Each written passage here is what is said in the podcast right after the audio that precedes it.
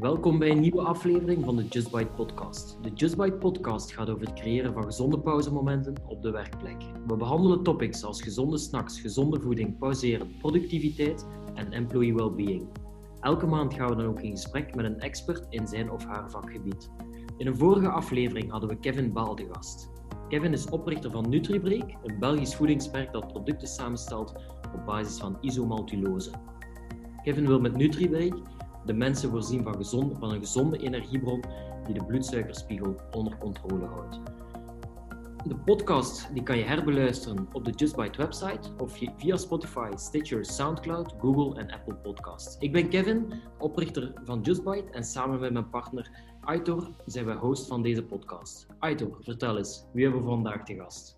Ja, dank u uh, Kevin. Uh, vandaag hebben we Geert Serneels uh, en normaal Mark van der Hucht, maar die kon er helaas niet um, aanwezig zijn te gast. Um, Geert Serneels en Mark, zij brachten in september dit jaar het boek Collega in Hoofd en Hart uit. Het boek gaat over waarderen, leiding geven op de werkvloer en hoe je als leidinggevende het evenwicht tussen resultaat en welzijn kan vinden.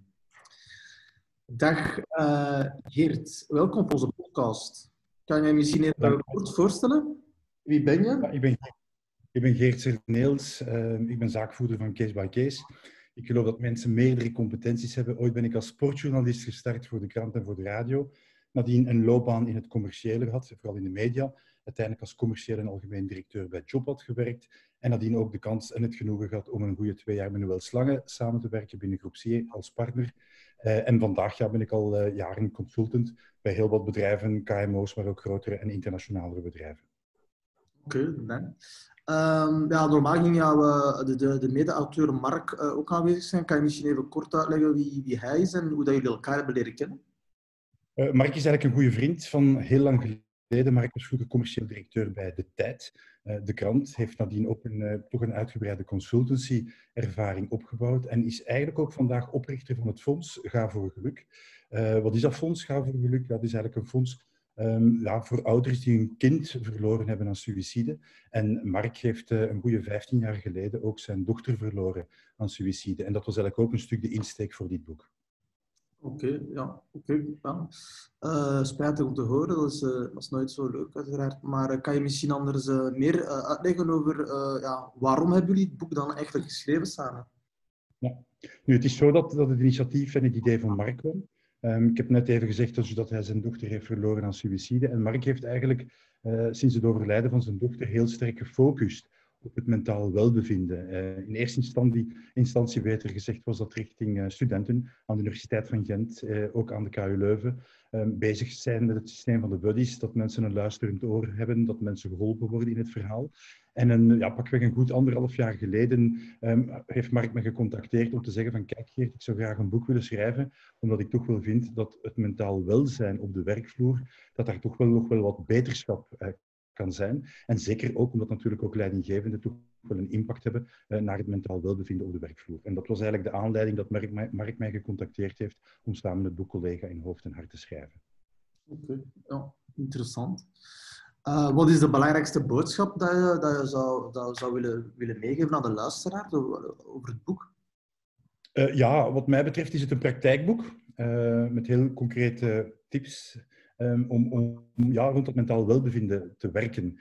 En ik vind persoonlijk dat natuurlijk iedereen eigenaar is van zijn eigen loopbaan. Iedereen is architect van zijn eigen loopbaan. Dus die, die verantwoordelijkheid begint rond het mentaal welbevinden bij mensen op zich.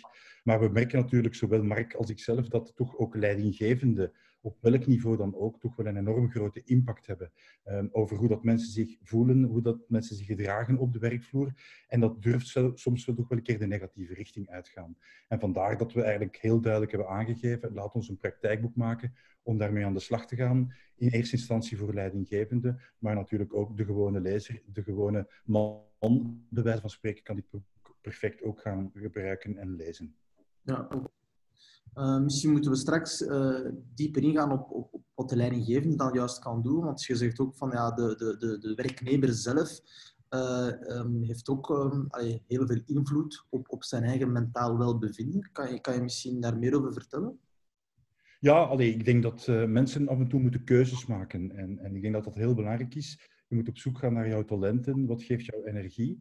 En hoe je het draait of keert, we komen toch in bedrijfsomgevingen soms mensen tegen die omwille van zekerheid, omwille van uh, een stukje controle, vasthangen aan een bepaalde job en niet altijd meer de energie en de drive hebben om bepaalde dingen te doen om zich gelukkig te maken. En als ik even bewust mag overdrijven, die zijn dan nog één dag op maandbasis gelukkig. Als het payday is, als ze hun loon gestort krijgen. Maar de rest van de maand zijn ze natuurlijk niet echt uh, gelukkig en uh, geïnteresseerd in hun job. En dat is op zich jammer. En van daaruit vind ik toch wel dat mensen, los van leeftijd, los van geslacht of wat dan ook, dat mensen moeten op, op zoek gaan naar hun eigen werkgeluk. En dat vind ik een hele essentiële.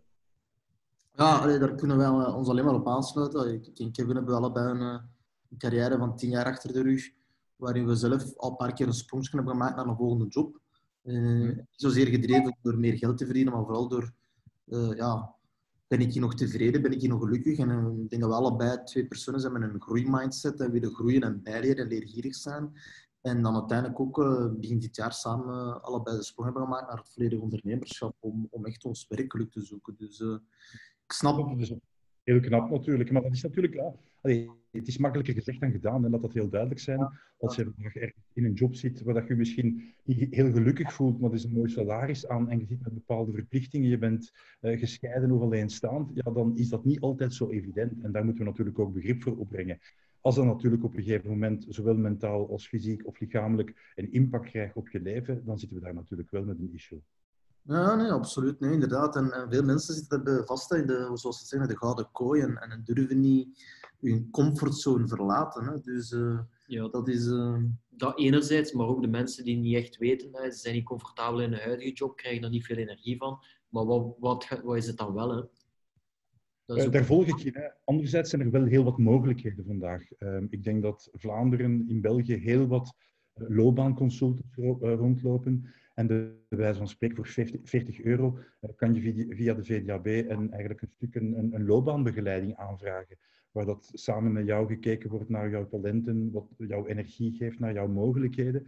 En eerlijk gezegd, voor 40 euro, ja, dat moet toch haalbaar zijn voor mensen om eens te kijken van wat wil ik nog professioneel bereiken, wat zijn mijn mogelijkheden, welke initiatieven kan ik nemen om dat werkgeluk toch na te streven. En ik weet dat er bijvoorbeeld bepaalde bedrijven zijn die zelfs ook uh, daar een soort van support geven naar hun eigen medewerkers om dat te ondersteunen. Dus daar zijn toch wel wat mogelijkheden met mensen die uh, professioneel gekwalificeerd zijn en die op zoek gaan naar, naar jouw mogelijkheden. Ja, nee, absoluut, inderdaad. Uh, de, de, eerste stap moet gewoon gezet worden. Hè. Dus ehm, ja. in, uw, in uw boek schrijft, uh, schrijf je ook over de verloren generatie. Uh, mm -hmm. Kan je misschien vertellen aan de luisteraar wat je hiermee bedoelt? Uh, wat we daar eigenlijk mee bedoelen is, en dat sluit natuurlijk een beetje aan bij hetgeen dat we net gezegd hebben, dat we toch wel in heel veel bedrijven mensen tegenkomen um, die nog een jaar of vijf, zes, tien moeten ja, hun job doen. Uh, letterlijk moeten hun job doen, die niet mee zijn met toch wel de change waar we in zitten in heel veel, heel veel bedrijven uh, is er een digitale uh, change. En dan merk je dat bepaalde mensen vasthouden aan het verleden, vasthouden aan de zekerheid en niet altijd bereid zijn om in die verandering mee te gaan. En voor bedrijven is dat niet makkelijk om met die medewerkers om te gaan, omdat ze een zekere anciëniteit hebben in het verhaal. En die mensen, ja, bij al wat nieuw is, die bukken zich, die hopen dat het wel overwaait en die hopen bij wijze van spreken tot hun pensioen nog te kunnen doen wat ze kunnen en moeten doen. En voor ons is dat toch wel een stuk een verloren generatie, omdat uiteindelijk als je nog vijf of tien jaar een bijdrage levert, een actieve bijdrage kan leveren aan een bedrijf, ja, is het heel essentieel dat je in die change kan meegaan. En dat is natuurlijk een, een taak voor leidinggevenden om mensen daar bewust van te maken. Maar nog eens, dat begint natuurlijk ook met je eigen bewustzijn en, en weten van, oké, wat komt er op mij af? En ik moet mij toch wel gaan aanpassen aan die veranderende situatie waar ik vandaag in zit. En vandaar het woord verloren generatie, omdat we dan wel merken dat dit soort van mensen op een gegeven moment uh, ja, een zekere vorm van verzuim, absentisme, meer ziek dan aanwezig zijn. En daar zitten er toch wel in de Belgische markt, en dan spreken we toch over enkele honderdduizenden, uh, um, ja, die in, in, in, in ziekteverlof zitten. Ja, dat we toch wel jammer vinden dat, dat dit soort van dingen gebeuren. Ja, absoluut. Uh, nee, nee, inderdaad. En um, wat, wat, wat, kan, wat kan een leidinggevende dan doen om die verloren generatie uh, ja, toch terug een beetje het, het, vuur aan te wakkeren, zal ik zeggen? Ja, nu wat mij betreft een leidinggevende heeft drie patches. Uh, dus enerzijds is die leider, en dan bedoel ik dat met EI en niet lange I. Met andere woorden, die gaat vanuit een strategie, vanuit een visie, vanuit een organisatie met zijn medewerkers aan de slag. Daarnaast is hij ook manager. Wat bedoel ik daarmee? Operationeel manager gaat kijken naar de performance, de resultaten, de cijfers, zien dat alles loopt zoals het nog zou moeten lopen. En dan een laatste luik gaat over het stuk people management. En dan is hij voor een groot stuk de coach, de motivator, de inspirator van mensen. En daar is vandaag toch wel een heel duidelijk aandachtspunt, merk ik toch wel, dat uh, mensen in een leidinggevende functie heel dat verhaal van coaching soms on top doen. En dat heeft te maken met enerzijds mensen die vanuit hun expertenrol zijn doorgegroeid naar leidinggevende en die dus eigenlijk met andere woorden nog steeds bezig zijn met hun eigen job te doen, te sterk naar de inhoud te kijken en laten zeggen, als ik nog even tijd heb met mijn mensen bezig te zijn, dat kan in onze ogen niet. En dan is het natuurlijk wel belangrijk dat men met mensen aan de slag gaat. En daar zijn natuurlijk ook in het boek een aantal heel concrete tips die we geven voor die leidinggevenden die met hun mensen aan de slag willen gaan. Een eerste belangrijke tip die ik meegeef is, ja, kijk naar wie is de mens achter de medewerker. Uh, met andere woorden, op zijn jambers gezegd, wie zijn mijn medewerkers? Uh, wat doen ze? Wat drijft hen? Wat kan hen triggeren? En ook op communicatievlak is dat een hele belangrijke.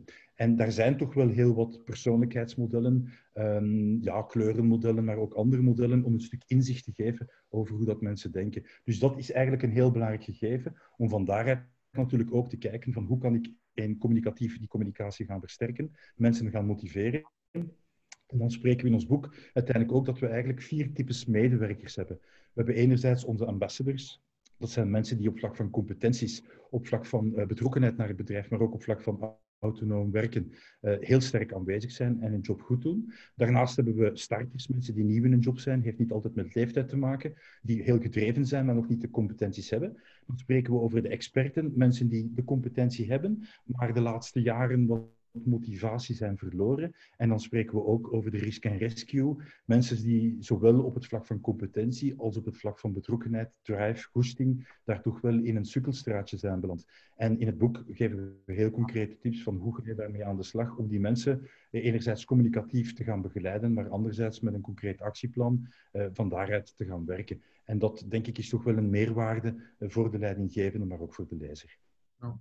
En denk je dat die, die, die, uh, die laatste segmentatie die je omschrijft, uh, dat, dat, dat daar een kans is dat die ook nog veranderen? Is daar, is daar hoop voor, met andere woorden? Of denk je van, voor sommige ja. mensen kan het gewoon niet meer? Of, of zijn zodanig, ja, moet het zeggen, ongemotiveerd dat ze bijna niet meer te motiveren vallen? Of, of denk je dat iedereen juist wel terug, terug te motiveren valt?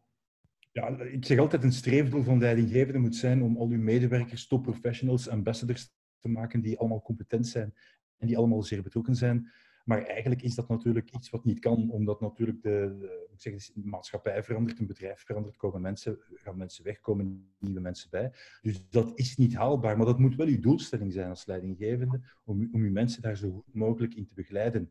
Lukt dat bij alles en bij iedereen? Nee, laat dat heel duidelijk zijn. Uh, dat is op zich heel simpel. Uh, wat bedoel ik daarmee? Ja, sommige mensen willen niet mee veranderen, sluiten zich af. Zeker die risk en rescues gaan heel defensief gaan reageren, uh, zijn heel wat, uh, ja, heel wat dagen ziek. En dat is heel moeilijk om die mensen naar een ander niveau te brengen. Maar het kan wel door mensen uitdagingen te geven, door mensen nieuwe projecten te geven, door mensen nieuwe inzichten te geven en, en voor een stuk ook te gaan waarderen om, om te zeggen van kijk, wat zijn uw talenten? Hoe kunnen we naar die talenten kijken? Is dat misschien niet in onze afdeling of in een andere afdeling, maar dat kan ook op een andere uh, manier en een andere aanpak. En een bedrijf, vind ik persoonlijk, die dat zeer goed doet, is bijvoorbeeld KBC, die op een gegeven moment medewerkers waar competenties aan het wijzigen zijn, meer digitalisering, dat zij op een gegeven moment een, een project hebben uitgewerkt waar dat zij uh, in overleg gaan met andere bedrijven, op zoek gaan samen met die medewerkers van KBC naar nieuwe professionele uitdagingen, waar dat ze die mensen begeleiden, een deel van het salaris ook betalen en dat die mensen op een gegeven moment in een nieuwe bedrijfsomgeving terechtkomen. En dat zijn mooie voorbeelden van, van initiatieven die perfect ook kunnen. Maar dat kan goed, bij wijze van spreken, een switch zijn, dat je vandaag op departement X zit, je gaat naar departement Y en daar bieden wat mogelijkheden of daar komen wat mogelijkheden op je af en dan kan dat natuurlijk mentaal wel voor een, voor een switch zorgen. Ja. Um, ja, want ik las um, volgens een studie van uh, eh, SD Works voelt slechts 14,5% van de werknemers zich betrokken met een werkomgeving, wat eigenlijk echt wel heel laag is. Uh, Wat, wat kan een werkgever allemaal doen om die betrokkenheid nu te verhogen? Ja, vandaag gebeuren al heel veel initiatieven rond het well-being om, om mensen te gaan brengen. Ik merk vandaag wel uh, dat men heel veel aandacht besteedt aan een, laten we zeggen, een bedrijfsomgeving, een aangename omgeving om je job te doen, dat er ook heel wat mogelijkheden zijn om mensen te laten ontspannen. Ik denk ook hetgeen wat jullie aanbieden uh, van Just Bite, dat dat ook perfect is om mensen te gaan, ja, op een of andere manier te gaan verwennen. Nu, dat is één zaak en helaas kom je daar niet mee. Um, ik ben er nog steeds van overtuigd, ook zelfs in COVID-19-tijden, dat het heel essentieel is dat, dat mensen één, een goede werksfeer hebben onderling tussen de collega's, maar dat ook het rechtstreekse contact met de rechtstreeks leidinggevende een enorme belangrijke is. Want mensen verlaten uiteindelijk geen bedrijven, maar meestal verlaten ze bedrijven omwille van hun leidinggevende. En dat is natuurlijk een hele essentiële. Als dat mentaal welbevinden op punt moet dat die leidinggevende zijn verantwoordelijkheid neemt.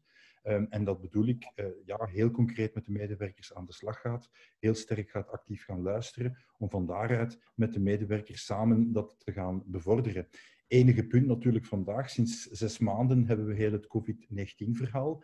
Dat zorgt dat mensen toch enerzijds een stuk homeworking, telewerking doen, uh, wat maakt voor de leidinggevende niet altijd evident. En we merken vandaag in heel veel bedrijven dat er toch heel duidelijk een moeilijkheid is om enerzijds die connectie te behouden met die thuiswerkende medewerkers, dat die connectie niet alleen met de collega's, maar ook met de leidinggevende en een stuk de cultuur van het bedrijf wat verloren gaat. En dat is een grote uitdaging voor heel veel HR-bedrijven om de mensen terug te krijgen naar, laten we zeggen, de bureauomgeving. Dat zal er nog niet meteen zitten aan te komen, denk ik. Maar het is wel voor bedrijven superbelangrijk om die mensen terug over de vloer te krijgen. Want anders dreigt de vervreemding. En dat is natuurlijk voor niemand niet goed. Niet voor het bedrijf, niet voor de medewerker, maar natuurlijk ook niet voor de leidinggevende.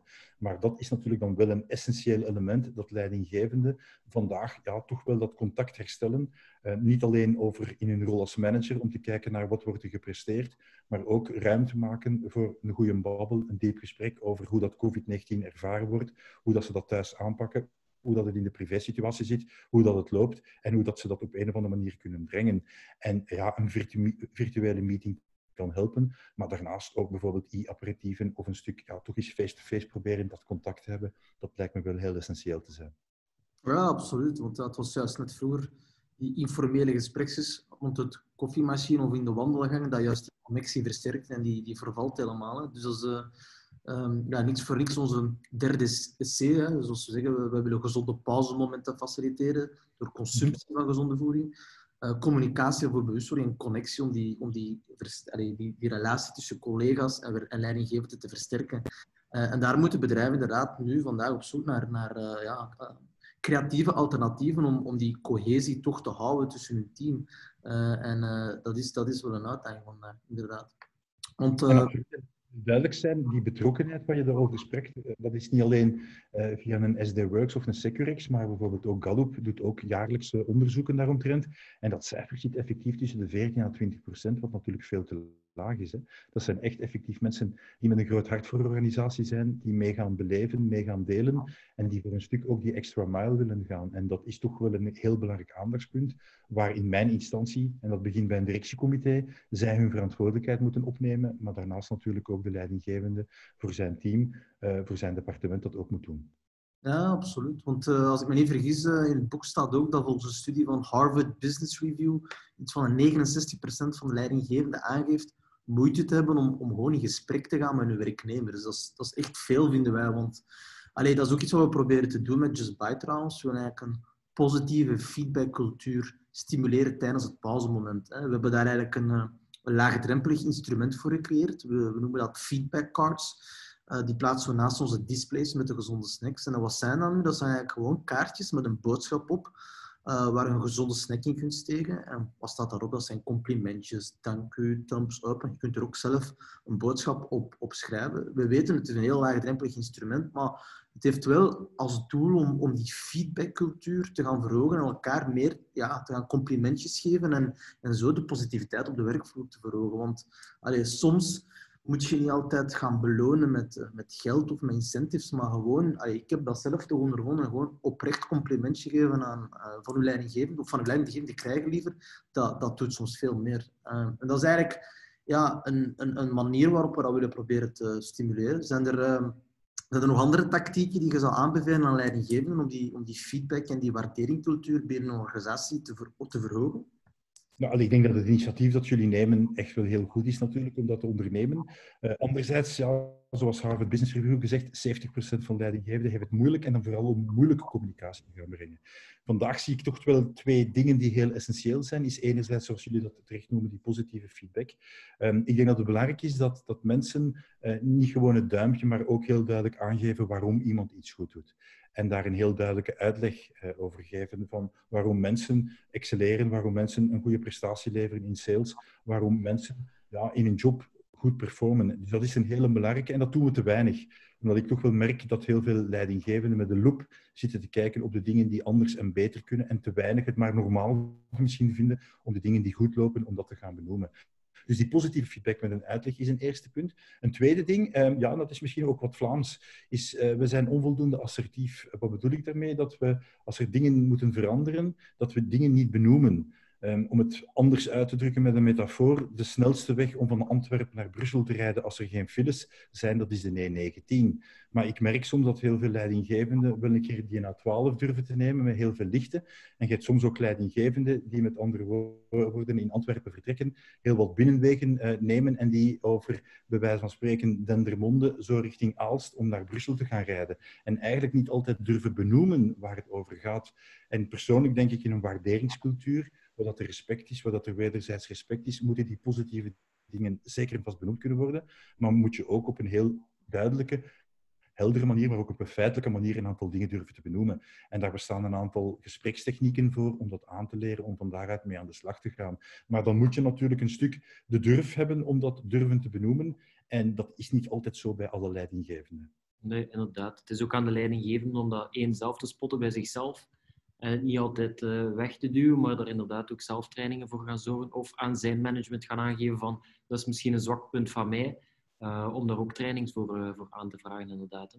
Absoluut, en dat, dat proberen Mark en ik ook, ook aan te bieden, laat dat heel duidelijk zijn. Anderzijds, misschien is het ook wel eens het moment, vind ik, om, om, om voor bepaalde expertleidinggevenden, dat zij misschien ook tot de conclusie komen dat people management niet voor hen is. Mm -hmm. ik bedoel niet is daarvoor in de wieg gelegd. En ik kan mij soms wel inbeelden dat bepaalde leidinggevenden zeggen van oei, dat gezaag, dat geklaag rond mijn hoofd en ik heb geen goesting en dan moet ik er een top bij nemen. Ja, dat dat soort van mensen zegt van laat mij eerder focussen naar een goede expertenrol. Dat ik mij kan focussen op een stukje operationeel management en dat ik dat graag ook doe. En heel het verhaal van coaching, van people management, dat je dat loslaat.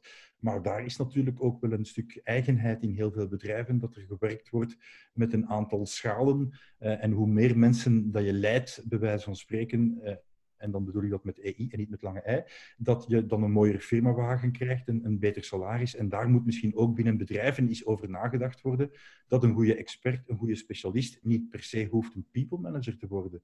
Geef hem een goed salaris, geef hem een goede remuneratie, een mooie wagen voor zijn dingen die hij doet als expert. En laat de job en laat de rol van de people manager voor die mensen die geïnteresseerd zijn in de collega's, die die mens achter de medewerker belangrijk vinden en die een stuk vanuit het samenwerken, uh, ja, toch wel proberen mensen naar een hoger niveau te tillen. Mm -hmm. Ja, maar daar is inderdaad die gedeelde verantwoordelijkheid. Hè? Dat je in het begin al zei. Het is aan, aan, de, aan, de, werknemer zelf om dat aan te geven, maar ook aan de leidinggevende. Van, uh, ik zit er niet op mijn plaats en ik wil misschien terug naar die, uh, die expertenrol, zoals je zegt. Ja. En dat is soms toch nog wel wat schroom dat er in een aantal bedrijven zit. Want dan wordt dat bekeken als, ja, uh, ja moet ik zeggen, een, een verloren oorlog of een beetje het Peters Principle, dat het net even iets te hoog is. Ja, en ik merk toch wel in, in, in, de Vlaamse markt dat mensen het daar moeilijk mee hebben om op een gegeven moment een stapje terug te zetten of een stapje opzij te zetten. Dat hoeft niet altijd terug te zijn, dat dat duidelijk zijn. Uh, dus ja, dat zijn toch wel een aantal punten waar dat mensen het niet makkelijk mee hebben. Hè. Men noemt dat ook af en toe demotie. Uh, um, dus ja, dat zijn dingen die kunnen gebeuren, maar vandaag niet altijd evident, omdat daar natuurlijk ook daar weer een aantal voorwaarden uh, en een aantal, laten we zeggen, salarisremuneraties aan vasthangen.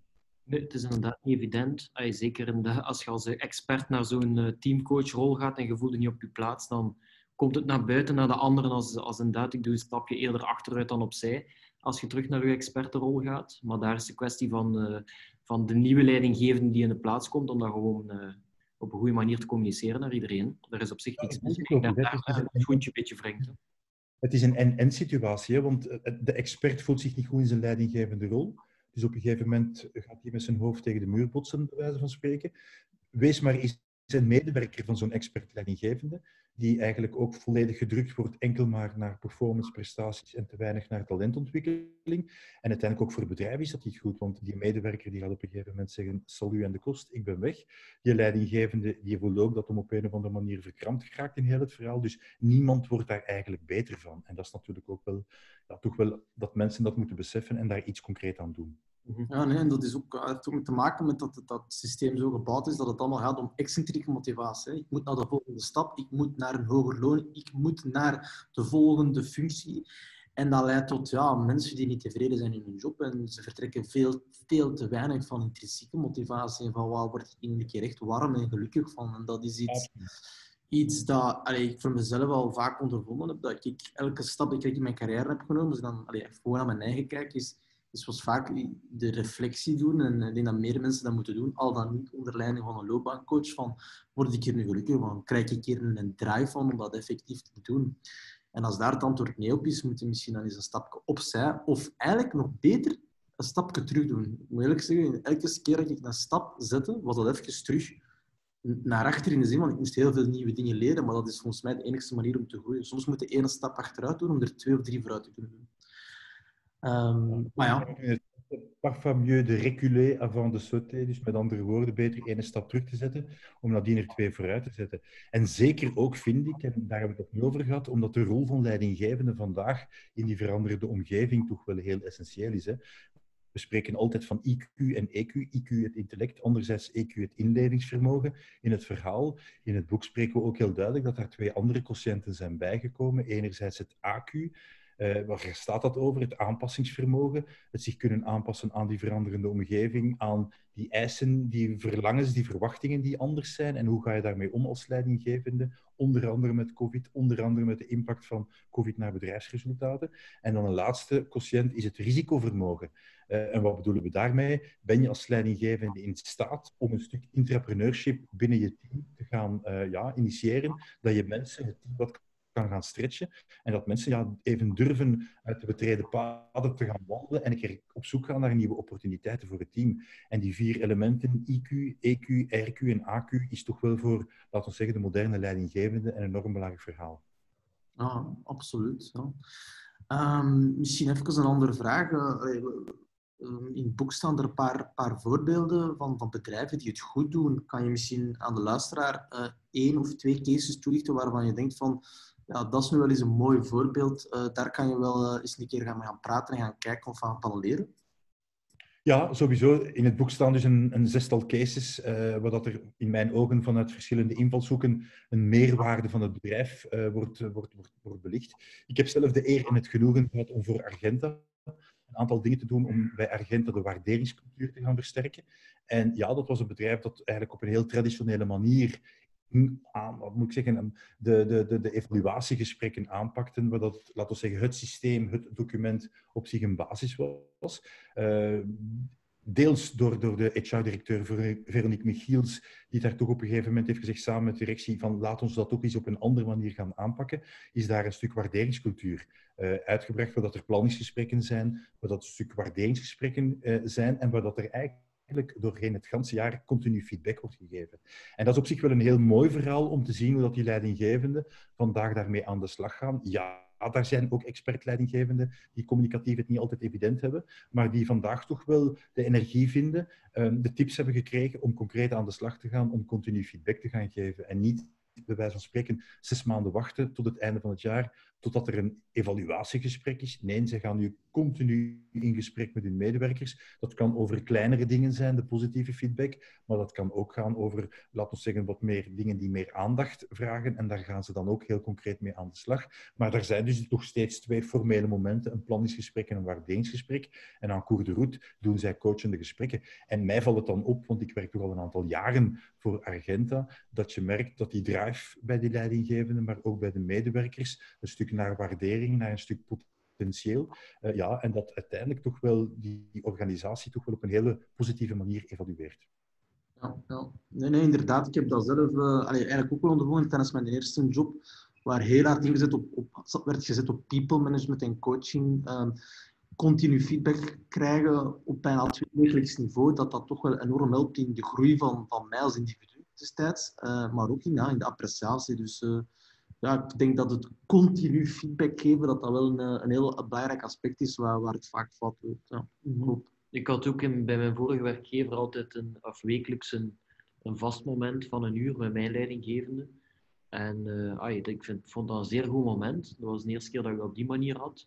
Uh, niet, ay, eerder zijn ze de operationele zaken, maar als er iemand tegen u, ay, tegenover u zit en echt, echt vraagt van hoe gaat het, hè, oprecht gemeend en echt inzit met het is veel te veel of het, uh, of het gaat echt niet meer, dat dat een, een gigantisch verschil is. Dat je echt het gevoel hebt dat er iemand achter u staat om, om de boel wat mee te draaien. Dus, uh, dus inderdaad, of en die tijd voor jou neemt, Kevin, om, om, om met jou een keer te praten, te luisteren naar jou. Uh, waar liet jij wakker van? Wat mhm. zijn uw uitdagingen? Hoe voel jij je daarbij? Loopt alles nog naar wens binnen het team? En dan komen we inderdaad aan die wederzijdse feedback. Hè?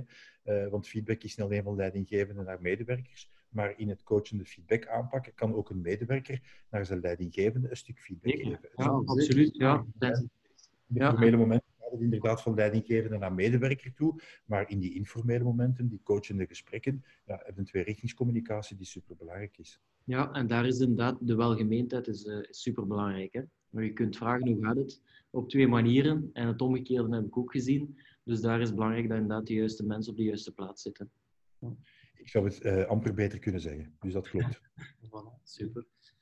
Um, nee, ja, dus um, het boek richt zich vooral op de rol van de leidinggevende, hè, om, om, werknemers zich meer betrokken te doen voelen, om hun mentaal welbevinden te verhogen. Um, ja, je weet, onze invalshoek is vooral voeding. Wat is volgens jou de rol van voeding in het mentaal welbevinden van een werknemer en, en wat zou de rol kunnen zijn van de leidinggevende uh, daarin? Ja, nu, ik ben geen specialist in voeding, uh, laat dat heel duidelijk zijn. Anderzijds natuurlijk, de, ik denk dat de, oude Grieken waren, die zeiden al een gezonde geest in een gezond lichaam. Dus dat heeft daar natuurlijk ook mee te maken. En mij lijkt het heel logisch te zijn, mensen die met het mentaal welbevinden bezig zijn, of een bedrijf die dat heel belangrijk vindt, eh, die op dat moment ja, gezonde voeding gaat geven. Is dat nu bij wijze van spreken fruit, of is dat, zoals jullie aanbieden, een heerlijke snack en een, een Just Bite snack, als ik het zo mag zeggen?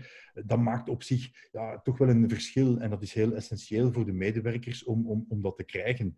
Uh, nu nog eens uh, een banaan of een appel of bij wijze van spreken een, een sinaasappel, dat gaat bij wijze van spreken niet het mentaal welbevinden as such gaan beïnvloeden op zich, maar het is wel een extra die toch wel kan meegenomen worden. En als mensen zich goed in hun vel voelen, ze hebben daarnaast ook een gezonde voeding en ze kunnen daarnaast ook een stukje mindfulness gaan toepassen op de werkvloer en ze worden daarin gesteund, want dat wordt vandaag ook in heel veel bedrijven aangeboden, dat mensen op, vlak van het spirituele, uh, ja, het stuk naar, naar een stuk zelfbewustzijn, dat zij daar ook in geoefend en getraind kunnen worden, dan is dat toch wel ook een meerwaarde.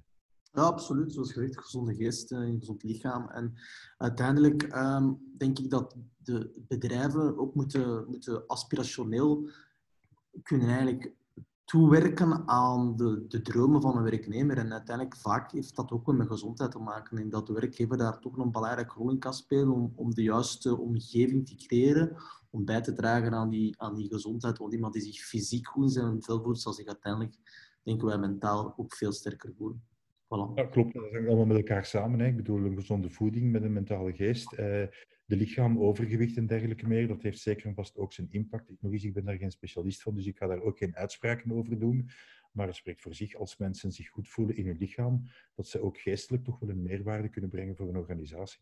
Ja, absoluut. Dan zijn ze veel productiever, energiekerker en veel positiever, wat alleen maar uh, ook uiteindelijk bottom line uh, tot positieve resultaten zal leiden. Mark, we zijn eh, aan het einde van onze uh, podcast. Uh, we willen u um, allebei nog eens bedanken. Uh, misschien nog een aller, allerlaatste vraag. Als er nog één boodschap is die je wilt meegeven aan de luisteraar, dan is het nu het moment. Ja, wat is mijn boodschap? Is enerzijds aan leidinggevende mannen, vrouwen, pak uw verantwoordelijkheid. Denk achter, aan die mens achter de medewerker. Ga samenwerken. Uh, zorg ervoor dat medewerkers zich gelukkig voelen, dat ze tevreden zijn en dat ze die bijdrage kunnen leveren. En neem uw verantwoordelijkheid. Maar ook aan de medewerker zelf. Durf eens op een kritische manier in de spiegel te kijken. Maak voor jezelf uit. Ben ik vandaag nog gelukkig? Doe ik de dingen die ik zou moeten doen? En geef me dat energie. En als dat niet zo is, dan is het hoog tijd. En op, een, op zijn Zweeds zou men zeggen heugneudig en breudneudig. en dat is wel een, een hele essentiële. Dus vandaar, ik zou zeggen, uh, koop het boek Collega in Hoofd en Hart. En dat wordt ook via uh, Lano Campus uitgegeven. En je kan dat in de standaard boekhandel via de site van Lano Campus of uh, via bol.com perfect aan. Oké, okay, super. Dankjewel Geert. Mark, bedankt Mark. Ook heel veel succes in jullie ontwikkeling en nog eens een dikke merci voor de interesse in het boek. niet alleen van mijn kant, maar ook van mijn collega Mark van der Gucht. Super, ja, dankjewel. Um, super. Uh, in een volgende aflevering hebben we Christophe Jacquet te gast. Christophe is uh, health marketing expert en auteur van het boek Healthusiasm. En zijn boek gaat over hoe mensen ambiëren om gelukkig en gezond te zijn en hoe bedrijven die ambities kunnen helpen waarmaken. Dus een beetje een verlengde van wat we uh, nu besproken hebben. En want bedrijven moeten evolueren van louter het maken van producten, diensten of ervaringen, eerder naar een rol waarin ze die aspiraties van hun klanten of patiënten kunnen helpen waarmaken. Dus mocht je vragen hebben als luisteraar voor Christophe of voor ons, dan uh, mag je altijd een berichtje sturen via de sociale, sociale kanalen of via info.justwhite.eu en dan behandelen we ze in de volgende podcast.